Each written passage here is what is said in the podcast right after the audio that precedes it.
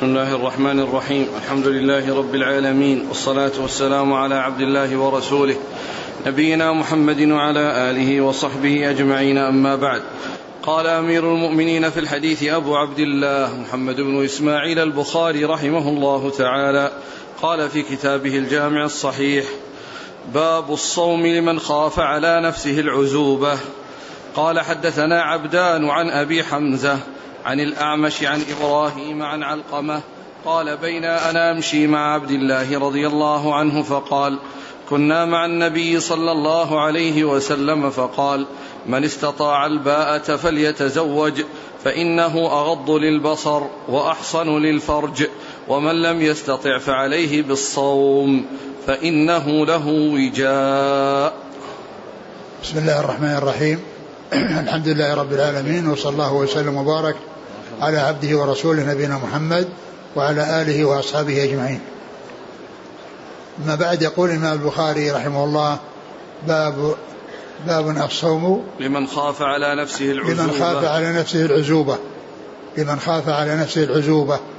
يعني أن من كان آه، غير آه، ليس بزوج ولا آه، مالكا لأمه وخشي على نفسه يعني من الآثار المترتبة على فقد على عدم تمكنه من الزواج أو ملك اليمين فإن المشروع في حقه والمطلوب في حقه أن يكثر من الصيام أي صيام النوافل لأن الصوم يكسر حدة الشهوة ويجعل الإنسان يعني ما يكون عنده القوة والنشاط والذي ينتج عن التمتع بالأكل والتنعم بالملاذ فإذا صام فإن ذلك يكون سببا في إضعاف شهوته سببا في إضعاف شهوته.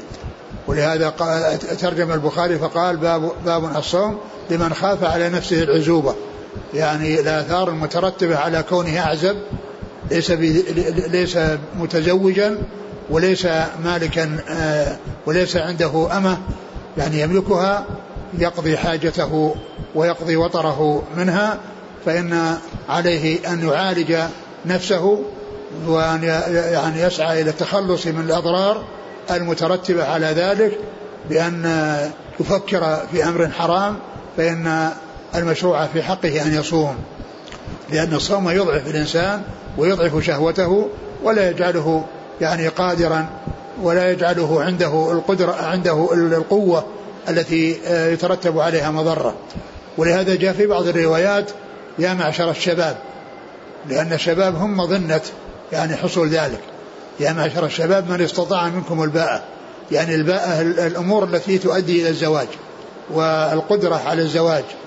يعني فيما يتعلق بوجود آه، مهر ووجود آه، قوت ووجود مسكن وما إلى ذلك من الأمور التي يتطلبها الزواج.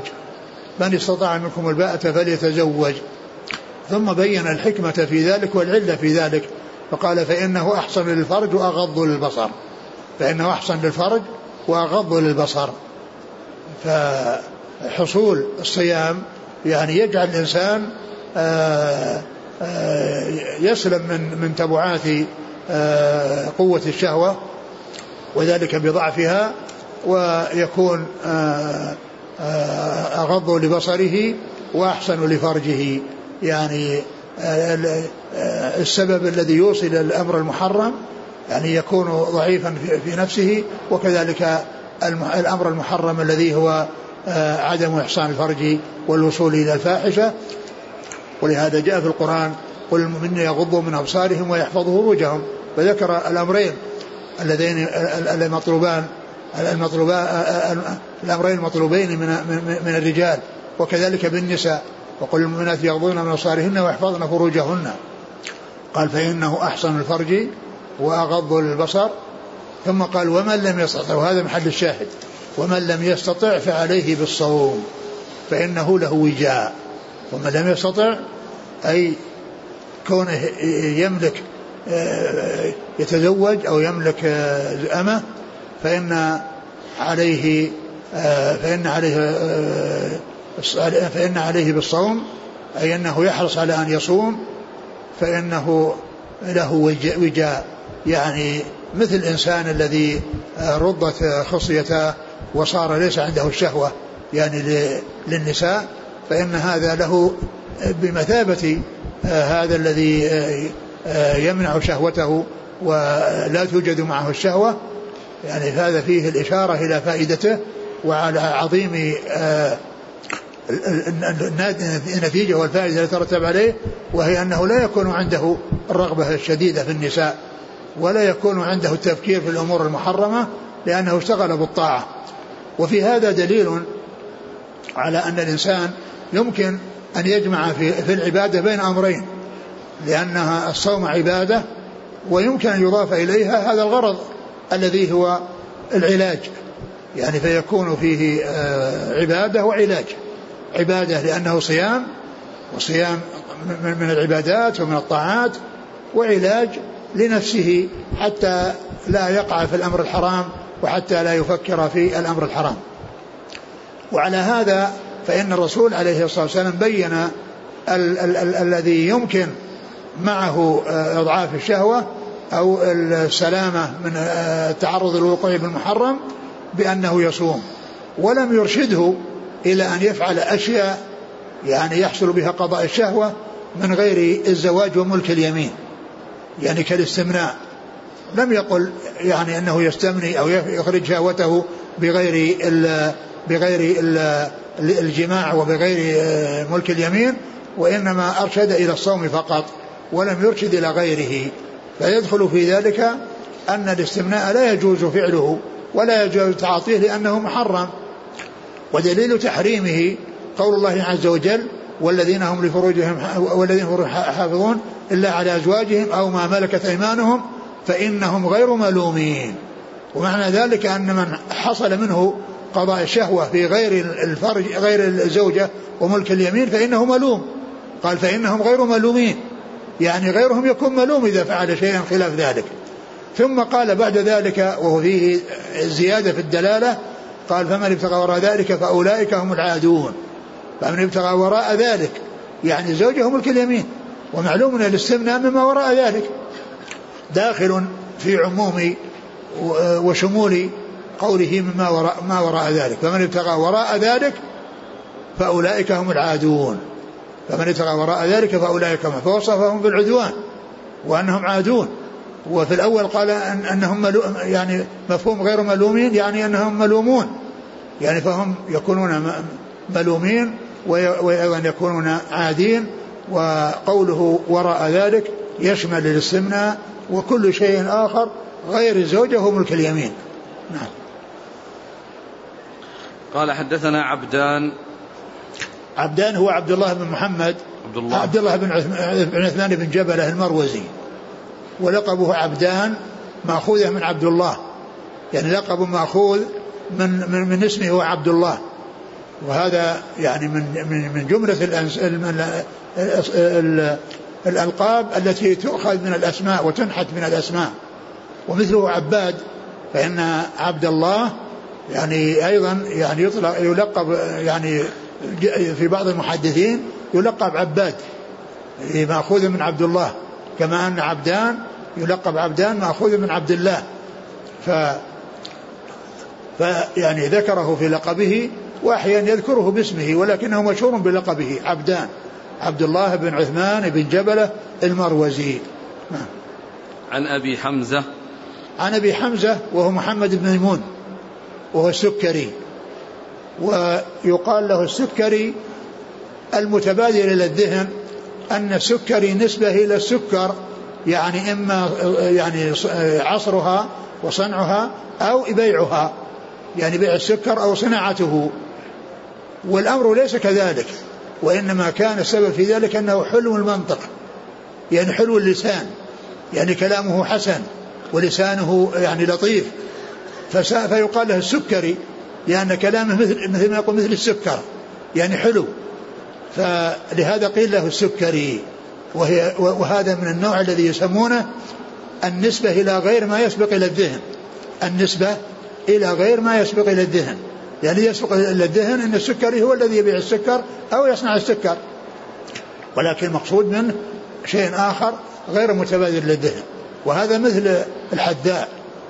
سليمان الحذاء سليمان مهران الحذاء المتبادل إلى الذهن أنه يصنع الأحذية أو يبيع الأحذية. وليس كذلك وإنما كان يأتي ويجلس عند الحذائين. يجلس عند الحذائين. فقيل له الحذاء لجلوسه عند الحذائين وهذه غير متبادل الذهن. وقيل, وقيل إنه كان يقول له احذو على كذا يعني يرسم له رسم يعني رسم القدم ثم يقول احذو احذو على كذا يعني أنه يقص على على على هذا على هذا الرسم الذي رسمه فقيل له الحذاء. وليس ليس حذاء لا في بيعها ولا في صناعتها. ومثل ذلك يزيد يزيد بن صهيب الفقير. فإن المتناسب المتبادل الذهن أنه فقير من الفقر.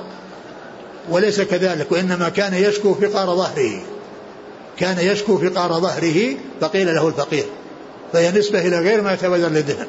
وكذلك الشخص الذي كان يقال له الضال المتبادل للذهن أن أنه الضلال الذي هو مذموم ولكنه المقصود به أنه تاه في طريق مكة أو ضاع في طريق مكة وتاه في الطريق فقيل له الضال. فهي فهذه كلها نسب إلى غير ما يسبق إلى الذهن. نعم. عن الأعمش. الأعمش هو سليمان بن مهران الكاهلي. الأعمش هو سليمان بن مهران الكاهلي مشهور بلقبه ويأتي به كثيرا وأحيانا يأتي باسمه. فيقال سليمان بدون أن ينسب. ومعرفة ألقاب المحدثين نوع من أنواع علوم الحديث وفائدتها ألا يظن الشخص الواحد شخصين فيما, فيما إذا ذكر مرة باسمه ومرة بلقبه. الذي لا يعرف يظن أن الأعمش غير سليمان وأن سليمان شخص آخر غير الأعمش. لكن من عرف أن سليمان لقبه الأعمش فلا يعني فلا يخشى عليه ظن الرجلين رجل واحد رجلين لأنه مرة ذكر باسمه ومرة ذكر بلقبه. عن إبراهيم. عن إبراهيم بن يزيد النخعي. إبراهيم بن يزيد النخعي. وهو من الفقهاء ومشهور بالفقه وهو محدث فقيه وهو من الذين اشتهروا بالفقه. ومن الأشياء التي ذكرت من أولياته وأنه سبق إليها وأنه لم يسبقه إليها أحد بهذا التعبير الجملة المعروفة عند الفقهاء ما لا قال آه ما لا نفس له سائلة لا ينجس الماء إذا مات فيه. ما لا نفس له سائلة لا ينجس الماء إذا إذا مات فيه. يعني ليس له دم مثل الجراد ومثل الذباب ومثل يعني الأشياء التي لا دم فيها فإنها إذا وقعت في الماء وماتت فيه لا تؤثر لأنه لا نفس لها سائلة. وما يستدلون على ذلك بأن الرسول عليه الصلاة والسلام لما قال إذا وقع الذباب في إناء أحدكم فليغمسه يعني فيه فإنه قالوا إنه إذا كان حارا فإنه يموت. إذا كان حارا فإنه يموت بالغمس فيه. والرسول عليه الصلاة والسلام أمر باستعماله أو أرشد إلى استعماله بعد غمسه فدل على أن موته فيه لا يؤثر. على أن موت ما لا نفس له سائلة يعني بالماء لا لا يؤثر. وهذه العبارة نسبها ابن القيم في زاد المعاد إليه وقال إنه أول من عرف أنه عبر بهذه العبارة وعنه تلقاها الفقهاء من بعده أول من عبر بهذه العبارة فقال ما لا نفس له سائلة لا ينجس الماء إذا مات فيه. أول من, عرف عنه ذلك والتعبير بذلك هو إبراهيم بن يزيد بن قيس النخعي هو أول. ولكن قد جاء في كتاب الروح لابن القيم وهذا يخالف هذا الكلام وهو يبين أن كتاب الروح أنه مما ألفه أولا ولهذا فيه أمور يعني تستغرب. قال في كتاب الروح عندما جاء يفرق بين النفس والروح وأن النفس تطلق على شيء ويجتمعان في شيء يعني أن نفس الإنسان وروح الإنسان هي معناها واحد. لكن قد يطلق الروح على أمور أخرى ويطلق النفس على أمور أخرى. فالروح يطلق على الوحي وعلى وعلى غيره والنفس تطلق على الدم لأن الدم يطلق عليه نفس.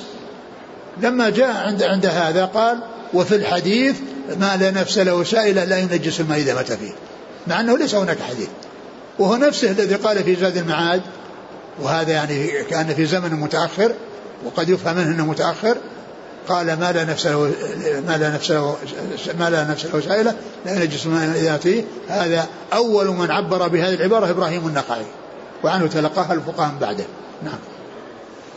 عن علقمة. عن عن علقمة آه، النخعي وهو وهو يعني ما أدري هو خال أو خال. نعم. لإبراهيم. نعم. نعم. عن عبد الله. عبد الله بن مسعود رضي الله تعالى عنه.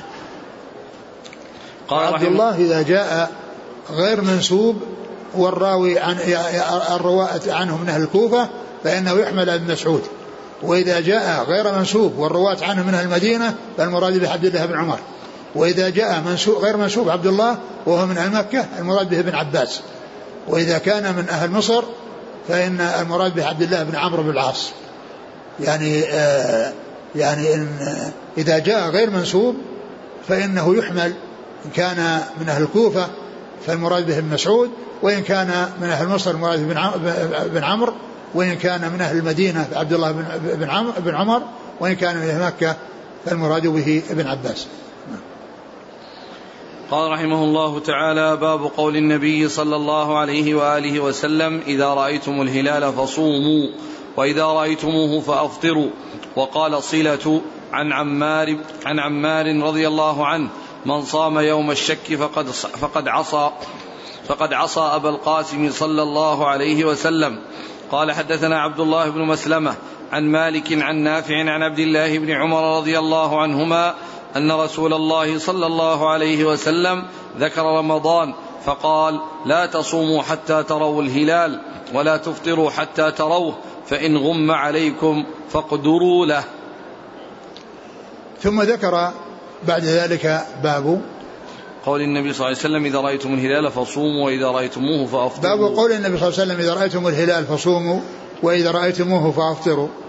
يعني الأول راجع إلى هلال رمضان والثاني راجع إلى هلال شوال. إذا رأيتموه أي هلال رمضان فصوموا وإذا رأيتموه يعني هلال شوال فأفطروا. فعلق الصوم والإفطار برؤية الهلال. علق الصوم الإفطار والصوم برؤية الهلال. فقال إذا رأيتموه يعني الهلال يعني فصوموا وإذا رأيتموه فأفطروا. يعني معنى ذلك أن أنه إذا إذا إذا يعني آه، جاء يوم الثلاثين من شعبان فإنه ينتظر الهلال ويبحث عن الهلال. فإن رؤي صام الناس. وكذلك إذا دخل رمضان وجاء آخر الشهر وجاءت ليلة الثلاثين فإنه يبحث عن الهلال. فإن وجد فإن الناس يفطرون ويكون الشهر ناقص 29 وإن لم يعني يرى فإنه فإن الناس يصومون يوم الثلاثين يصومون يوم الثلاثين. وهذه الرواية فيها ذكر أنه يصام للإفطار ويفطر يصام لرؤية الهلال ويفطر لرؤية الهلال. ولكنه جاء في بعض الروايات أنه إذا لم يرى فإن الناس يكملون الثلاثين سواء الثلاثين من شعبان أو الثلاثين من رمضان. إذا رأيتموه أي الهلال آه، رأيتم فصوم وإذا رأيتموه فأفطروا.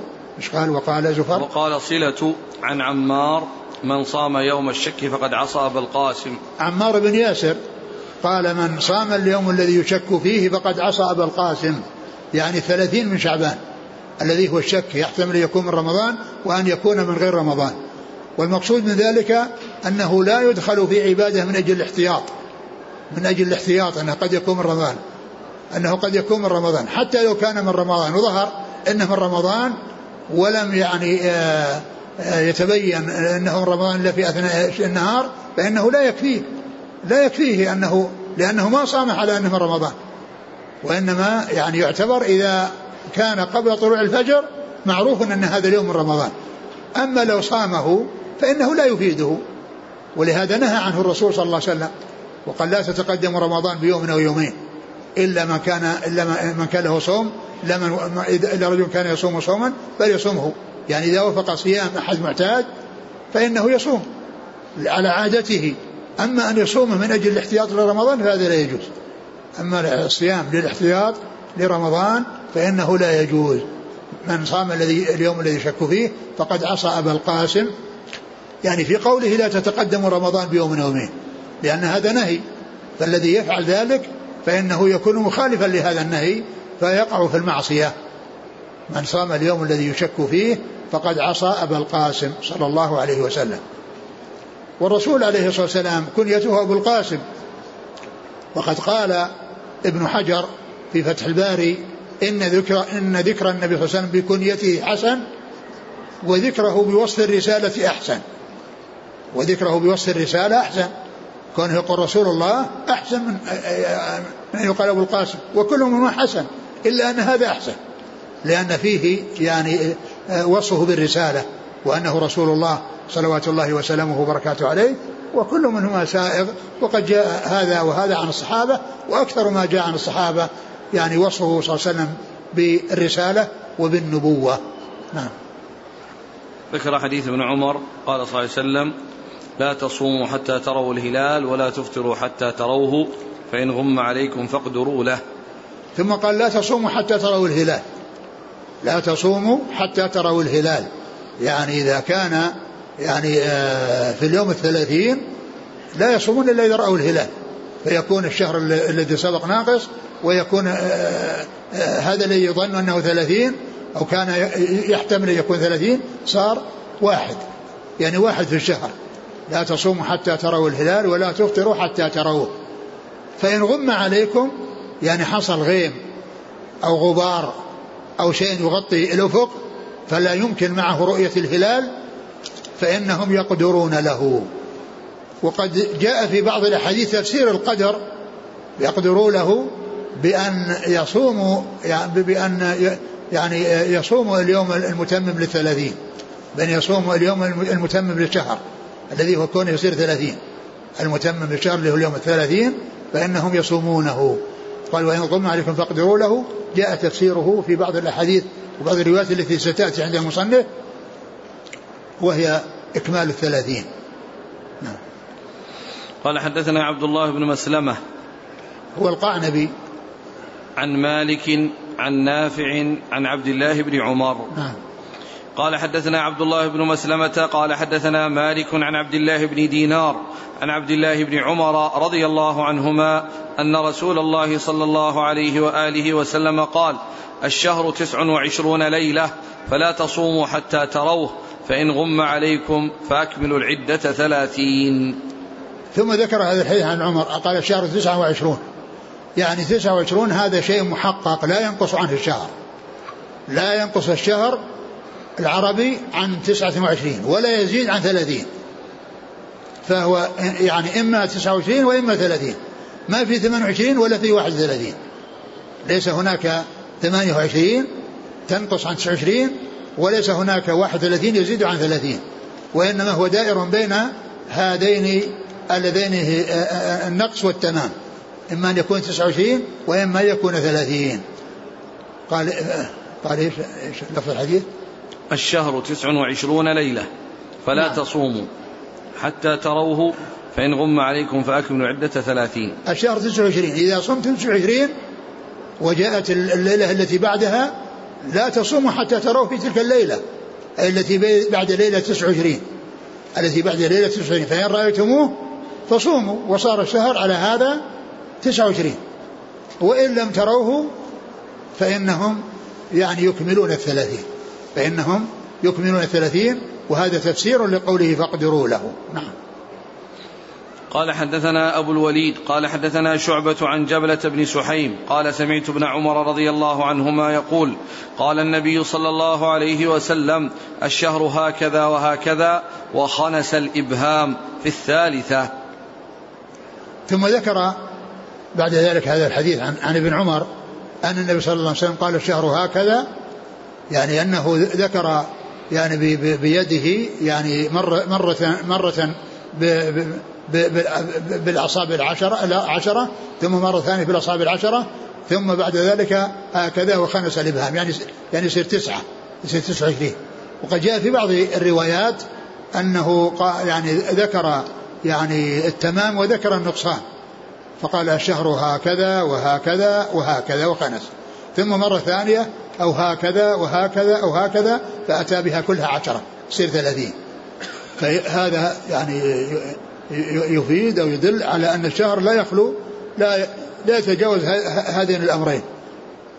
لا يتجاوز هذين الأمرين. إما يكون 29 وإما يكون 30 فلا ينقص عن 22 عن 29 ولا يزيد عن 31 ولو أنه حصل نقص بأن يعني صام الناس وبعد ذلك في آخر الشهر تبين أنه رؤي ليلة 29 فإن الناس يصومون يوما قضاء. لأن الشهر لا يمكن أن يكون 28 لا يكون يعني 28 نعم. قال حدثنا أبو الوليد. هو هشام عبد الملك الطيالسي. عن شعبة. بن الحجاج. عن جبلة بن سحيم. نعم. عن ابن عمر. نعم. قال حدثنا آدم. قال حدثنا شعبة. قال حدثنا محمد بن زياد. قال سمعت أبا هريرة رضي الله عنه يقول قال النبي صلى الله عليه وسلم أو قال قال أبو القاسم صلى الله عليه وسلم صوموا لرؤيته وأفطروا لرؤيته فإن غبي عليكم فأكملوا عدة شعبان ثلاثين ثم قال صوموا لرؤيته نعم. وأفطروا لرؤيته نعم. فإن غبي عليكم فأكملوا عدة شعبان ثلاثين ثم ذكر حديث أبي هريرة أن النبي صلى الله عليه وسلم قال صوموا لرؤيته وأفطروا لرؤيته فإن غبي عليكم فأكملوا عدة شعبان ثلاثين أولا في أول, في أول الحديث قال قال رسول الله صلى الله عليه وسلم أو قال أبو القاسم. هذا شك. يعني شك ممن دون يعني شك من من من من الصحابي أو ممن دونه. أن أن الشيء الذي ممن دون الصحابي. لأن الصحابي قال قولا واحدا إما هذا وإما هذا. ولكن الذي دونه شك في عبارة أبي هريرة. هل قال قال رسول الله أو قال أبو القاسم؟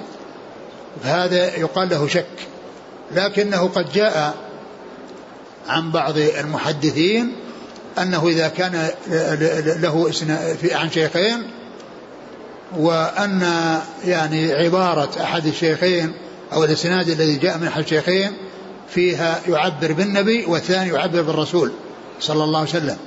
وهذا يدل على تمام العناية من المحدثين. لأن كلمة النبي وكلمة الرسول مؤداها واحد. لكن لكن لدقتهم يذكرون اللفظ الذي قاله الشيخ الفلاني وأنه رسول الله. والشيخ والثاني قال النبي الله النبي صلى الله عليه وسلم. هذا يعني ليس من قبيل الشك وإنما من قبيل أن هذا قال كذا وهذا قال كذا. وكونهم يميزون بين قول هذا وقول هذا مع أن النتيجة واحدة والمؤدى واحد هذا يدل على عنايتهم وعلى محافظتهم للألفاظ. وهذا يبين أن تسييد الرسول صلى الله عليه وسلم في الكلام أن هذا ليس من عادة الصحابة رضي الله عنهم وأرضاهم. ليس من عادتهم. يعني بعض الناس في هذا الزمان لا يقول يعني ذكر الرسول إلا يقول سيدنا. ما يأتي كلمة. وقد يعني آه، يسيء الظن بمن لا يفعل ذلك. وهذا الذي يعني فعله الصحابة أنهم ما كانوا يسيدونه عندما يأتي ذكره دائما وأبدا وإنما هذه كتب الحديث كلها تنتهي بقال قال رسول الله صلى الله عليه وسلم قال قال النبي صلى الله عليه وسلم ما في قال قال سيدنا رسول الله. يعني صحيح البخاري من أوله إلى آخره تجد بهذه الطريقة وكذلك الكتب الأخرى كلها بهذه الطريقة. فهذا يدل أن هذا هو الذي عمله الصحابة وأن هذا هو الذي استعمله الصحابة. فالذين يعني حصل منهم في آخر الزمان يعني كونهم لا يتلفظون إلا بذكر سيدنا مع مع ذكر الرسول صلى الله عليه وسلم يعني هذا خلاف ما كان عليه الصحابة. هذا خلاف ما كان عليه الصحابة. فالذين يفرقون بين قال النبي وقال الرسول صلى الله عليه وسلم لو كان فيه كلمة سيدنا ما تركوها. لأنه حتى الشيء الذي لا يترتب عليه إشكال ولا يترتب عليه يعني آه، محذور يذكرونه وينصون عليه. فالذين يأتون بذكر النبي والثاني يأتي بذكر الرسول مع أن المؤدى واحد لو كانت كلمة سيدنا موجودة هذه ما تركها أحد ما تركوها. ما إيش الحديث؟ قال؟ صوموا لرؤيته وأفطروا لرؤيته صوموا لرؤيته يعني لرؤية هلال رمضان. وأفطروا لرؤيته لرؤية هلال شوال. فإن غبي عليكم يعني يعني يعني حصل فيه شيء يغطيه أو خفي فلم يرى بغيم أو غبار أو يعني غير ذلك فإنه يكمل شعبان ثلاثين. وهذا دليل على أن الواجب أنه إذا لم يروا الهلال أنه يكمل الشهر. لأن النبي صلى الله عليه وسلم ما قال فإن غبي عليكم فاسألوا أهل الحساب أو ارجعوا إلى أهل الحساب. وإنما قال فأكملوا ثلاثين. لأن الأحكام الشرعية يعني جاءت بأمور ظاهرة وبأمور يعرفها الخاص والعام ويعرفها الحاضرة والبادية. ما جاءت في أمور خفية لا يعرفها إلا خواص الناس. ما يعرفها إلا خواص الناس. يعني ما أنط العمل بالحساب وإنما أنط بالرؤية. ولهذا قال فإن غمي عليكم حصل غبار أو غيم فأكملوا عدة شعبين شعبان ثلاثين يوم. ما قال اسألوها الحساب أو ارجعوا إلى من عنده حساب. نعم. لأنه كما قلت الأمور أنيطت بأمور ظاهرة. الصلوات أنيطت بأمور ظاهرة. أنيطت صلاة الفجر بطلوع الفجر وانتهاء بطلوع الشمس والظهر بالزوال والعصر إذا كان ظل شيء يعني مثله وهكذا. والمغرب بالغروب أنيطت بأمور ظاهرية طبيعية يشاهدها الناس ويعرفونها. ما بنيت على أمور خفية لا يعرفها إلا أهل الحذق. وإنما وكذلك الصيام. أنيط بالرؤية الهلال يعني صوما وإفطارا وكذلك الحج أيضا. يعني منوط برؤية الهلال. يعني ليس ليس هناك شيء يرشد إلى أن المعول عليه الحساب. نعم. قال حدثنا آدم. وقوله أكمل عدة شعبان يرجع إلى صوم لرؤيته. ومثله آخر الشهر فإنهم يكونون عدة رمضان إلا أنه حصل الاكتفاء بالأول والثاني مثله. فأكملوا فإن غمي عليكم يعني هلال رمضان أكملوا العدة. وإن غمي عليكم هلال شوال أكملوا العدة. قال حدثنا آدم آدم بن أبي ياس. عن شعبة عن محمد بن زياد نعم. عن أبي هريرة. نعم. قال حدثنا أبو عاصم عن ابن جريج عن يحيى بن عبد الله بن صيفي عن عكرمة بن عبد الرحمن عن أم سلمة رضي الله عنها أن النبي صلى الله عليه وآله وسلم آلى من نسائه شهرا فلما مضى تسعة وعشرون يوما غدا أو راح فقيل له إنك حلفت ألا تدخل شهرا. فقال إن الشهر يكون تسعة وعشرين يوما. ثم إن أورد هذا الحديث أن النبي صلى الله عليه وسلم حديث مسلمة أن آلى من نسائه يعني حلف أنه ما يقرب نسائه لمدة شهر. وجلس في مشربة في مكان خاص يعني اعتزل نساءه وصار فيها و وهي التي حصل يعني أن الصحابة رضي الله عنهم وأرضاهم تأثروا ومنه عمر رضي الله عنه الذي كان في آه، بستان له في, العوالي عالية المدينة وأنه لما يعني آه، يعني هذا شاع عند الناس أنه طلق نساء حصل إشاعة. يعني هذا الإيلة الذي حصل والامتناع يعني شاع عند الناس أنه طلقهن. فجاء عمر وكان مغضبا على ابنته حفصة تكلم عليها ثم ذهب إلى الرسول في مشربته وقال يا رسول الله أطلقت نساءك؟ قال لا. قال الله أكبر. يعني فرح وسر. يعني وهذا يدل على أن أنه, أنه إذا جاء شيء أمر يسر فإنه يكبر. يكبر الله. لا يصفق مثل ما هو موجود في هذا الزمان. عندما يأتي أشياء يعني تعجب الناس فإنهم يصفقون. السنة هو التكبير. كما جاء في هذا الحديث وغيره من الأحاديث الكثيرة التي فيها تكبير الصحابة عند أمر يسر. هنا عمر رضي الله عنه قال الله أكبر لما ذكر أنه لم يطلق نساءه الرسول عليه الصلاة والسلام جلس في هذا المكان حتى أكمل حتى مضى 29 فقال فقيل له إنك آليت شهرا. فقال إن الشهر يعني يكون 29 وهذا مثل ما لو أن إنسانا يعني في أثناء الشهر آل أنه يعني أو حلف أنه ما يعمل كذا شهر فإن إنه إذا فعل إذا إذا بلغ 29 فإنه يعني له أن أن يتحلل من الشيء الذي التزمه لأن الشهر يكون 29 وهذا في مثل ما إذا كان في أثناء الشهر فإنه يعد 29 فالرسول عليه الصلاة والسلام قيل له إنك آليت قال إن الشهر تسع, تسع وعشرون. إيش في الحديث؟ إنك حلفت ألا تدخل شهرا. فقال إن الشهر يكون تسعة وعشرين نعم. يوما. نعم. إيش بعده؟ انتهى. نعم. هذا إذا حلف في الأثناء. أما إذا حلف من أوله حتى لو حلف في أوله ما يلزم أنه يروح يتراءى الهلال لأن الشهر يكون 29 يعني هذا أقل ما يكون في الشهر وأكثر ما يكون 30 فإذا 28 لا يمكن أن تكون شهرا. ال 29 تكون شهرا. وال30 تكون شهرا. نعم. قال حدثنا أبو عاصم. هو ضحاك بن مخلد النبيل. كنيته أبو عاصم ولقبه النبيل ومشهور بكنيته وهو من كبار شيوخ البخاري الذين روى عنهم الثلاثيات. هو من كبار شيوخ البخاري الذين روى عنهم الثلاثيات. والثلاثيات في صحيح البخاري هي ستة عشر حديثا بدون تكرار واثنان وعشرون حديثا بالتكرار.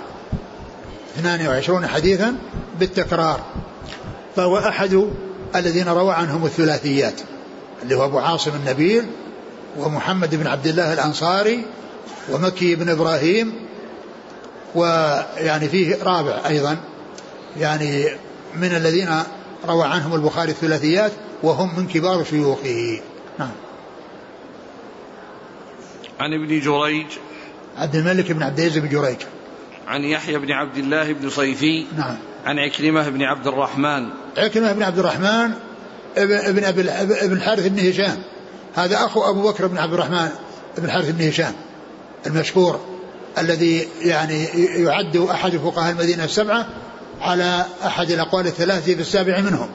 أبو بكر بن عبد الرحمن بن الحارث بن هشام هذا اخوه أخوه آه اسمه عكرمة عكرمة بن عبد الرحمن بن الحارث بن هشام. نعم. عن أم سلمة. نعم أم سلمة أم المؤمنين رضي الله عنها وأرضاها هند بنت أبي أمية. نعم. قال حدثنا عبد العزيز بن عبد الله قال حدثنا سليمان بن بلال عن حميد عن أنس رضي الله عنه أنه قال آل رسول الله صلى الله عليه وسلم من نسائه وكانت انفكت رجله فقام في مشربة تسعة, تسعا وعشرين ليلة ثم نزل فقالوا يا رسول الله آليت شهرا؟ فقال إن الشهر يكون تسعا وعشرين. هذا مثل الحديث الحديث الذي قبله حديث حديث أم سلمة. نعم نعم. حديث أم سلمة مثله يعني أنه أنه آلى وأنه جلس 29 في مشربة يعني في مكان خاص في مكان مرتفع يعني حجرة فجلس فيها ثم إنه نزل يعني وقضية النزول لأن كان مكانا مرتفعا بعد أن مضى 29 فقالوا له إنك يعني آليت شهرا فقال إن الشهر يكون تسعة, تسعة وعشرين. يكون تسعة وعشرين نعم. قال حدثنا عبد العزيز بن عبد الله الأويسي. عن سليمان بن بلال نعم. عن حميد بن أبي حميد الطويل. عن أنس. نعم. هذا من الرباعيات من رباعيات البخاري وهي كثيرة والثلاثيات هي القليلة التي أشرت إليها في في ذكر أبو عاصم وأنها آه، يعني بالتكرار 22 وبعدم التكرار 16 والثلاثيات يعني رجالها صحابي وتابعي وتابع تابعي. يعني معناه إن البخاري روى عن أتباع التابعين. يعني يعني بعض شيوخه من أتباع التابعين لأن يعني أبو عاصم ومحمد عبد الله الأنصاري ومكي بن إبراهيم هؤلاء أدركوا التابعين. وأتباع التابعين هم الذين أدركوا التابعين والتابعون هم الذين أدركوا الصحابة. هم الذين أدركوا الصحابة. نعم. وهم خير القرون. الذي قال النبي خير الناس قرني ثم الذين يلونهم ثم الذين يلونهم. لأن الصحابة رضي الله عنهم شرفهم الله وأكرمهم بأن وجدوا في زمانه. و يعني متع متع الله أبصارهم بالنظر إلى طلعته صلى الله عليه وسلم. فكانوا فكانت عيونهم رأت النبي صلى الله عليه وسلم. أما التابعون فلم يروا النبي صلى الله عليه وسلم ولكن رأوا العيون التي رأته. ولكنهم رأوا العيون التي رأت النبي صلى الله عليه وسلم وهي يعني عيون الصحابة. وأما أتباع التابعين رأوا التابعين الذين رأوا الصحابة. ما رأوا الصحابة لكن رأوا العيون التي رأت الصحابة. يعني العيون, العيون التي رأت الصحابة وهم, وهم, وهم التابعون. هذه القرون الثلاثة هي خير القرون خير الناس قرني ثم الذين يلونهم ثم الذين يلونهم. نعم. ذكرتم البخاري يروي الثلاثيات عن مكي بن إبراهيم وأبي عاصم النبي ومحمد, ومحمد الأنصاري. محمد الأنصاري. في رابع؟ آه محمد بن عبد الله الأنصاري وعصام ابن خالد. قال حدثنا حريز بن عثمان أنه سأل عبد الله بن بسر صاحب النبي صلى الله عليه وسلم أرأيت النبي صلى الله عليه وسلم كان شيخا؟ قال كان في عنفقته شعرات بيض. عصام عصام عصام بن خالد وخلاد بن يحيى. نعم هو هذا الذي يذكر. خلاد بن يحيى. قال حدثنا خلاد بن يحيى قال حدثنا عيسى بن طهمان قال سمعت أنس بن مالك رضي الله عنه يقول نزلت آية الحجاب في زينب بنت جحش وأطعم عليها يومئذ خبزا ولحما وكانت تفخر على نساء النبي صلى الله عليه وسلم وكانت تقول إن الله أنكحني في السماء. نعم. قال آه، سبب الإيلاء. آل النبي صلى الله عليه وسلم حلف ما أتذكر لكن إذا كان يتعلق ب آه، الشيء الذي حصل يعني من يعني بعض نسائه التي حصل منها يعني أن أنه يتعلق بالعسل وشرب العسل. نعم. قال حدثنا عبد العزيز بن عبد الله الأويسي نعم. عن سليمان بن بلال عن حميد عن أنس. نعم. قال رحمه الله تعالى باب شهر عيد لا ينقصان. قال أبو عبد الله قال إسحاق وإن كان ناقصا فهو تمام. وقال محمد لا يجتمعان كلاهما كلاهما ناقص. قال حدثنا مسدد قال حدثنا معتمر قال سمعت إسحاق عن عبد الرحمن بن أبي بكرة عن أبيه رضي الله عنه عن النبي صلى الله عليه وسلم. قال وحدثني مسدد. قال حدثنا معتمر عن خالد الحذاء. قال أخبرني عبد الرحمن بن أبي بكرة عن أبيه رضي الله عنه عن النبي صلى الله عليه وسلم أنه قال شهران لا ينقصان شهر عيد رمضان وذو الحجة. ثم ثم قال شهر عيد لا ينقصان. باب باب شهر عيد لا ينقصان. يعني شهر العيد هما رمضان لأن الناس يأتي العيد و ويكون بعد إتمام الصيام وهو شكر لله عز وجل على إتمام شهر الصيام. وكذلك يعني عيد الأضحى هو شكر الله عز وجل على إتمام يعني الحج يعني من ناحية الأركان التي التي آه، لا يمكن الحج آه، إلا بوجودها وهو الوقوف بعرفة وإن لأنه وإن كان بقي شيء من الأركان مثل الطواف والسعي لطواف الإفاضة والسعي من صلى المروة إلا أن هذا ليس له وقت محدد. ولكن الشيء الذي الذي يفوت الحج بفواته هو الوقوف بعرفة. فإذا يعني مضى مضت عشر تسع من ذي الحجة وفيها يوم عرفة الذي هو يعني آه، فيه الوقوف بعرفة وهو ركن من أركان الحج لا يتم الحج إلا به. ومن جاء بعد طلوع الفجر من ليلة العيد فإنه آه، فاته الحج ولو جاء من أقصى الدنيا. لأن وقت الحج الذي الركن الذي لا بد منه هو الوقوف وقد فات. ويتحول إلى عمرة ويتحلل إلى عمرة ويطوف ويسعى ويقصر. لكن ال آه، فيعني لأن هذا شكر الله عز وجل على حصول الحج الذي هو الحج الأكبر يوم الحج, الحج الذي هو الوقوف بعرفة وقد اختلف يوم الحج الأكبر أنه يوم عرفة ويوم عيد الفطر عيد, الأضحى وقد جاء في بعض الروايات النص على أن يوم الحج الأكبر هو يوم العيد لأن أكثر أعمال الحج توقع فيه لأن أكثر أعمال الحج توقع في ذلك اليوم الذي هو الطواف والرمي والحلق والنحر لأنها كلها يعني يأتي وقتها يعني في يوم العيد. فأطلق عليه أنه يوم الحج الأكبر. وعلى هذا فيعني أن كل منهما شكر الله عز وجل. يوم العيد يعني شكر الله عز وجل على حصول الحج والعيد الفطر شكر الله عز وجل على إكمال شهر الصيام على إكمال شهر الصيام. وقوله شهر عيد يعني مقصود برمضان والعيد ليس من رمضان. العيد من شوال لأنه ليس من رمضان وإنما هو أول يوم من شوال وهو أول أيام الحج أول أشهر الحج. يعني لأن أشهر الحج تبدأ بليلة العيد الذي هو عيد عيد الفطر تبدأ أشهر الحج به. فقيل أضيف إلى أن إلى رمضان مع أنه ليس من رمضان للقرب لحصول القرب بينهما. لأن هذا يلي رمضان مباشرة. آخر يوم رمضان يليه العيد. فلقربه أضيف إليه لا لأنه منه لأنه ليس من رمضان هو من شوال.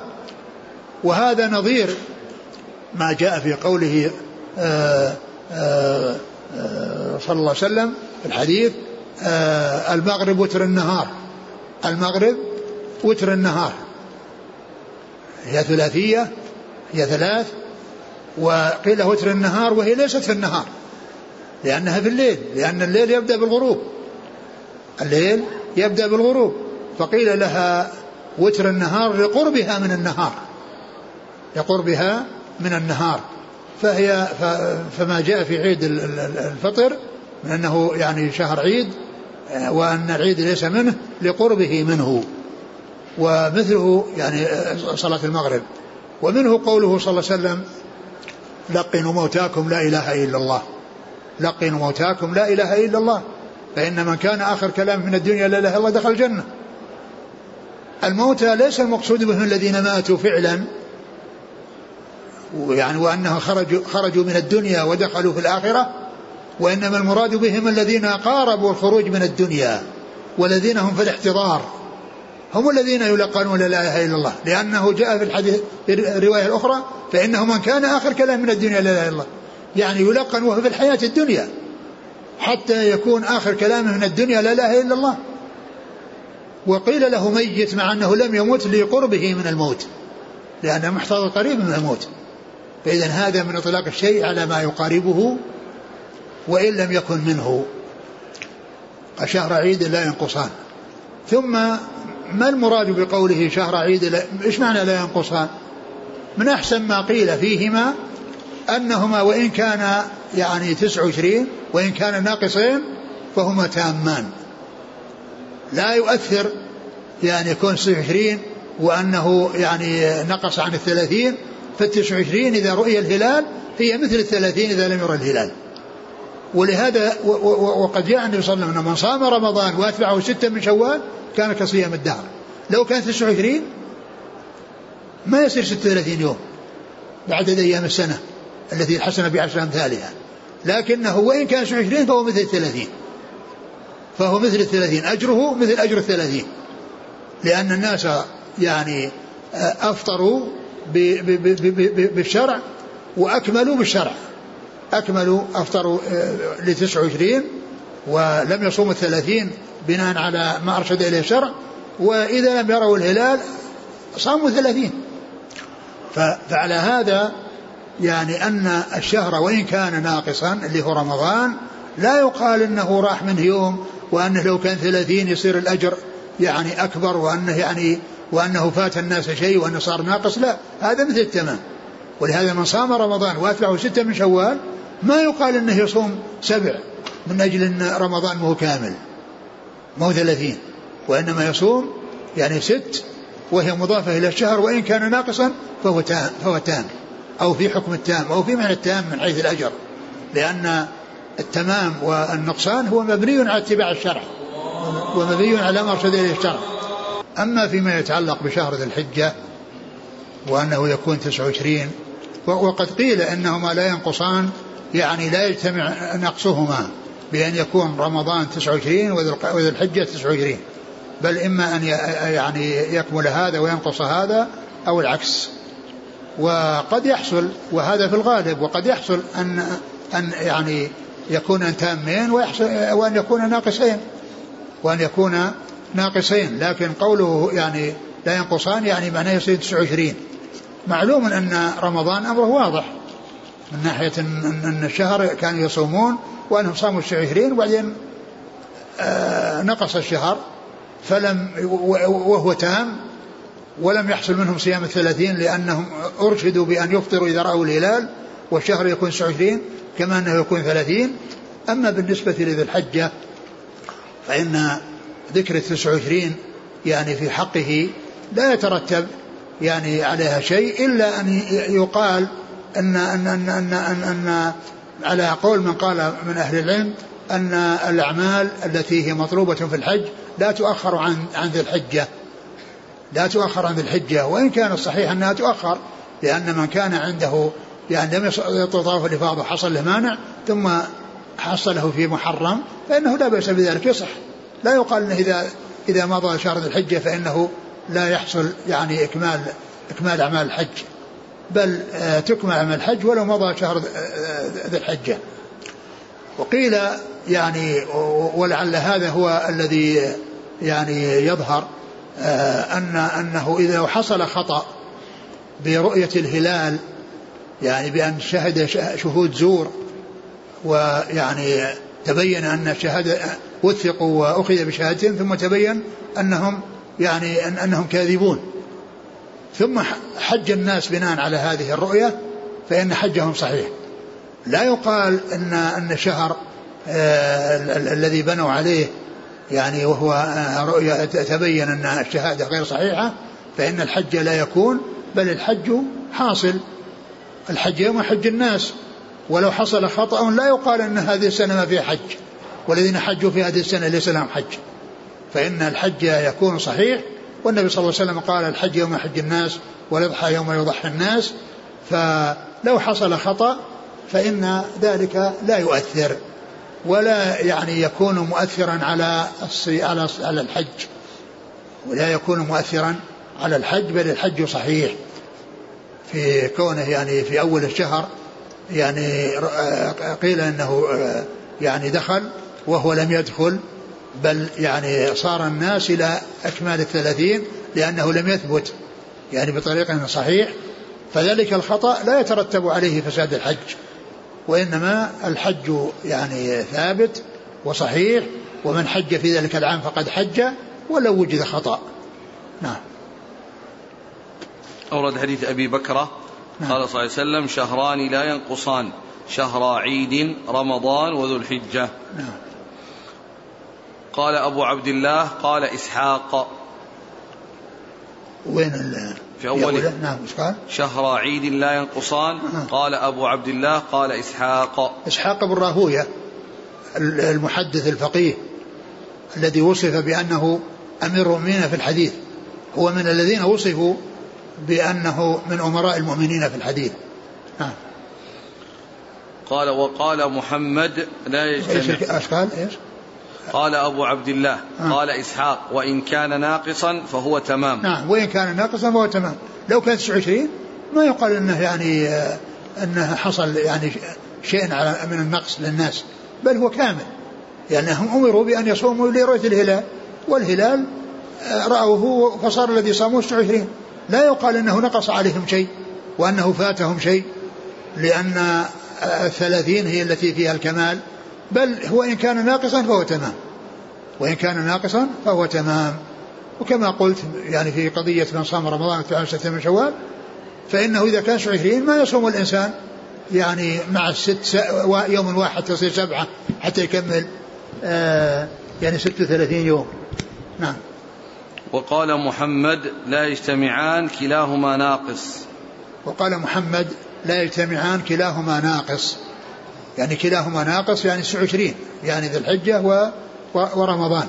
محمد والبخاري. نعم هو قال ذكر الحافظ أنه قال قال محمد يعني يقصد البخاري لأن في الأول قال أبو عبد الله وعزى إلى إسحاق. ثم قال عن نفسه قال محمد يعني الذي هو البخاري أن أن أن لا يجتمعان كلاهما ناقص. لا يجتمعان كلاهما ناقص بل إما ينقص أحدهما ويكمل الثاني. نعم. قال حدثنا مسدد نعم مسدد أبو مسرهد. عن معتمر ابن سليمان. عن إسحاق إسحاق بن سويد. عن عبد الرحمن بن أبي بكرة عن أبيه. وإسحاق هذا الذي هو ابن أبي إسحاق بن سويد هذا ذكر الحافظ أنه ليس له رواية في البخاري إلا هذا الموضع. ليس له رواية في البخاري إلا في هذا الموضع. نعم. عن عبد الرحمن بن أبي بكرة نعم. عن أبيه عن أبيه أبي بكرة وهو نفيع بن الحارث رضي الله عنه. قال وحدثني مسدد عن معتمر عن خالد الحذاء. ذكر هذا الإسناد يعني والمغايرة فيه بأنه في الأول قال البخاري حدثنا مسدد وفي الثاني قال حدثني مسدد. يعني ذاك بالجمع وهذا بالإفراد. فيكون يعني معنى ذلك أن أن يعني مسدد يعني حدثه حدث البخاري ومعه غيره فعبر بحدثنا. وفي الثاني قال حدثني يعني وحده ليس معه أحد. فيكون معنى ذلك أنه حصل مرتين مرة ومعه غيره ومرة وهو وحده. فإذا هذا من أسباب المغايرة بين الإسنادين أو ذكر الإسنادين مع أنهما متفقان إلا في هذه الصيغة وفي آه كون أحد الطريقين آه فيهما آه شخصان. ليس يعني ليس الإسناد متفقين في جميع الروايات. فيه فيه فيه الأول معتمر قال سمعت إسحاق بن عبد إسحاق نعم. عبد الرحمن. أين إسحاق الثاني معتمر يقول سمعت خالد الحذاء. نعم. الأول معتمر يقول سمعت إسحاق عن عبد الرحمن. نعم. والثاني معتمر يقول عن خالد الحذاء عن عبد الرحمن. نعم. يعني فيه أولا تغير الشيخين ولكن فيه التعبير بالصيغة. سمعت الأول يقول سمعت والثاني يقول عن. نعم. نعم. عن خالد الحذاء عن عبد الرحمن بن أبي بكرة عن أبيه. نعم. انتهى الباب.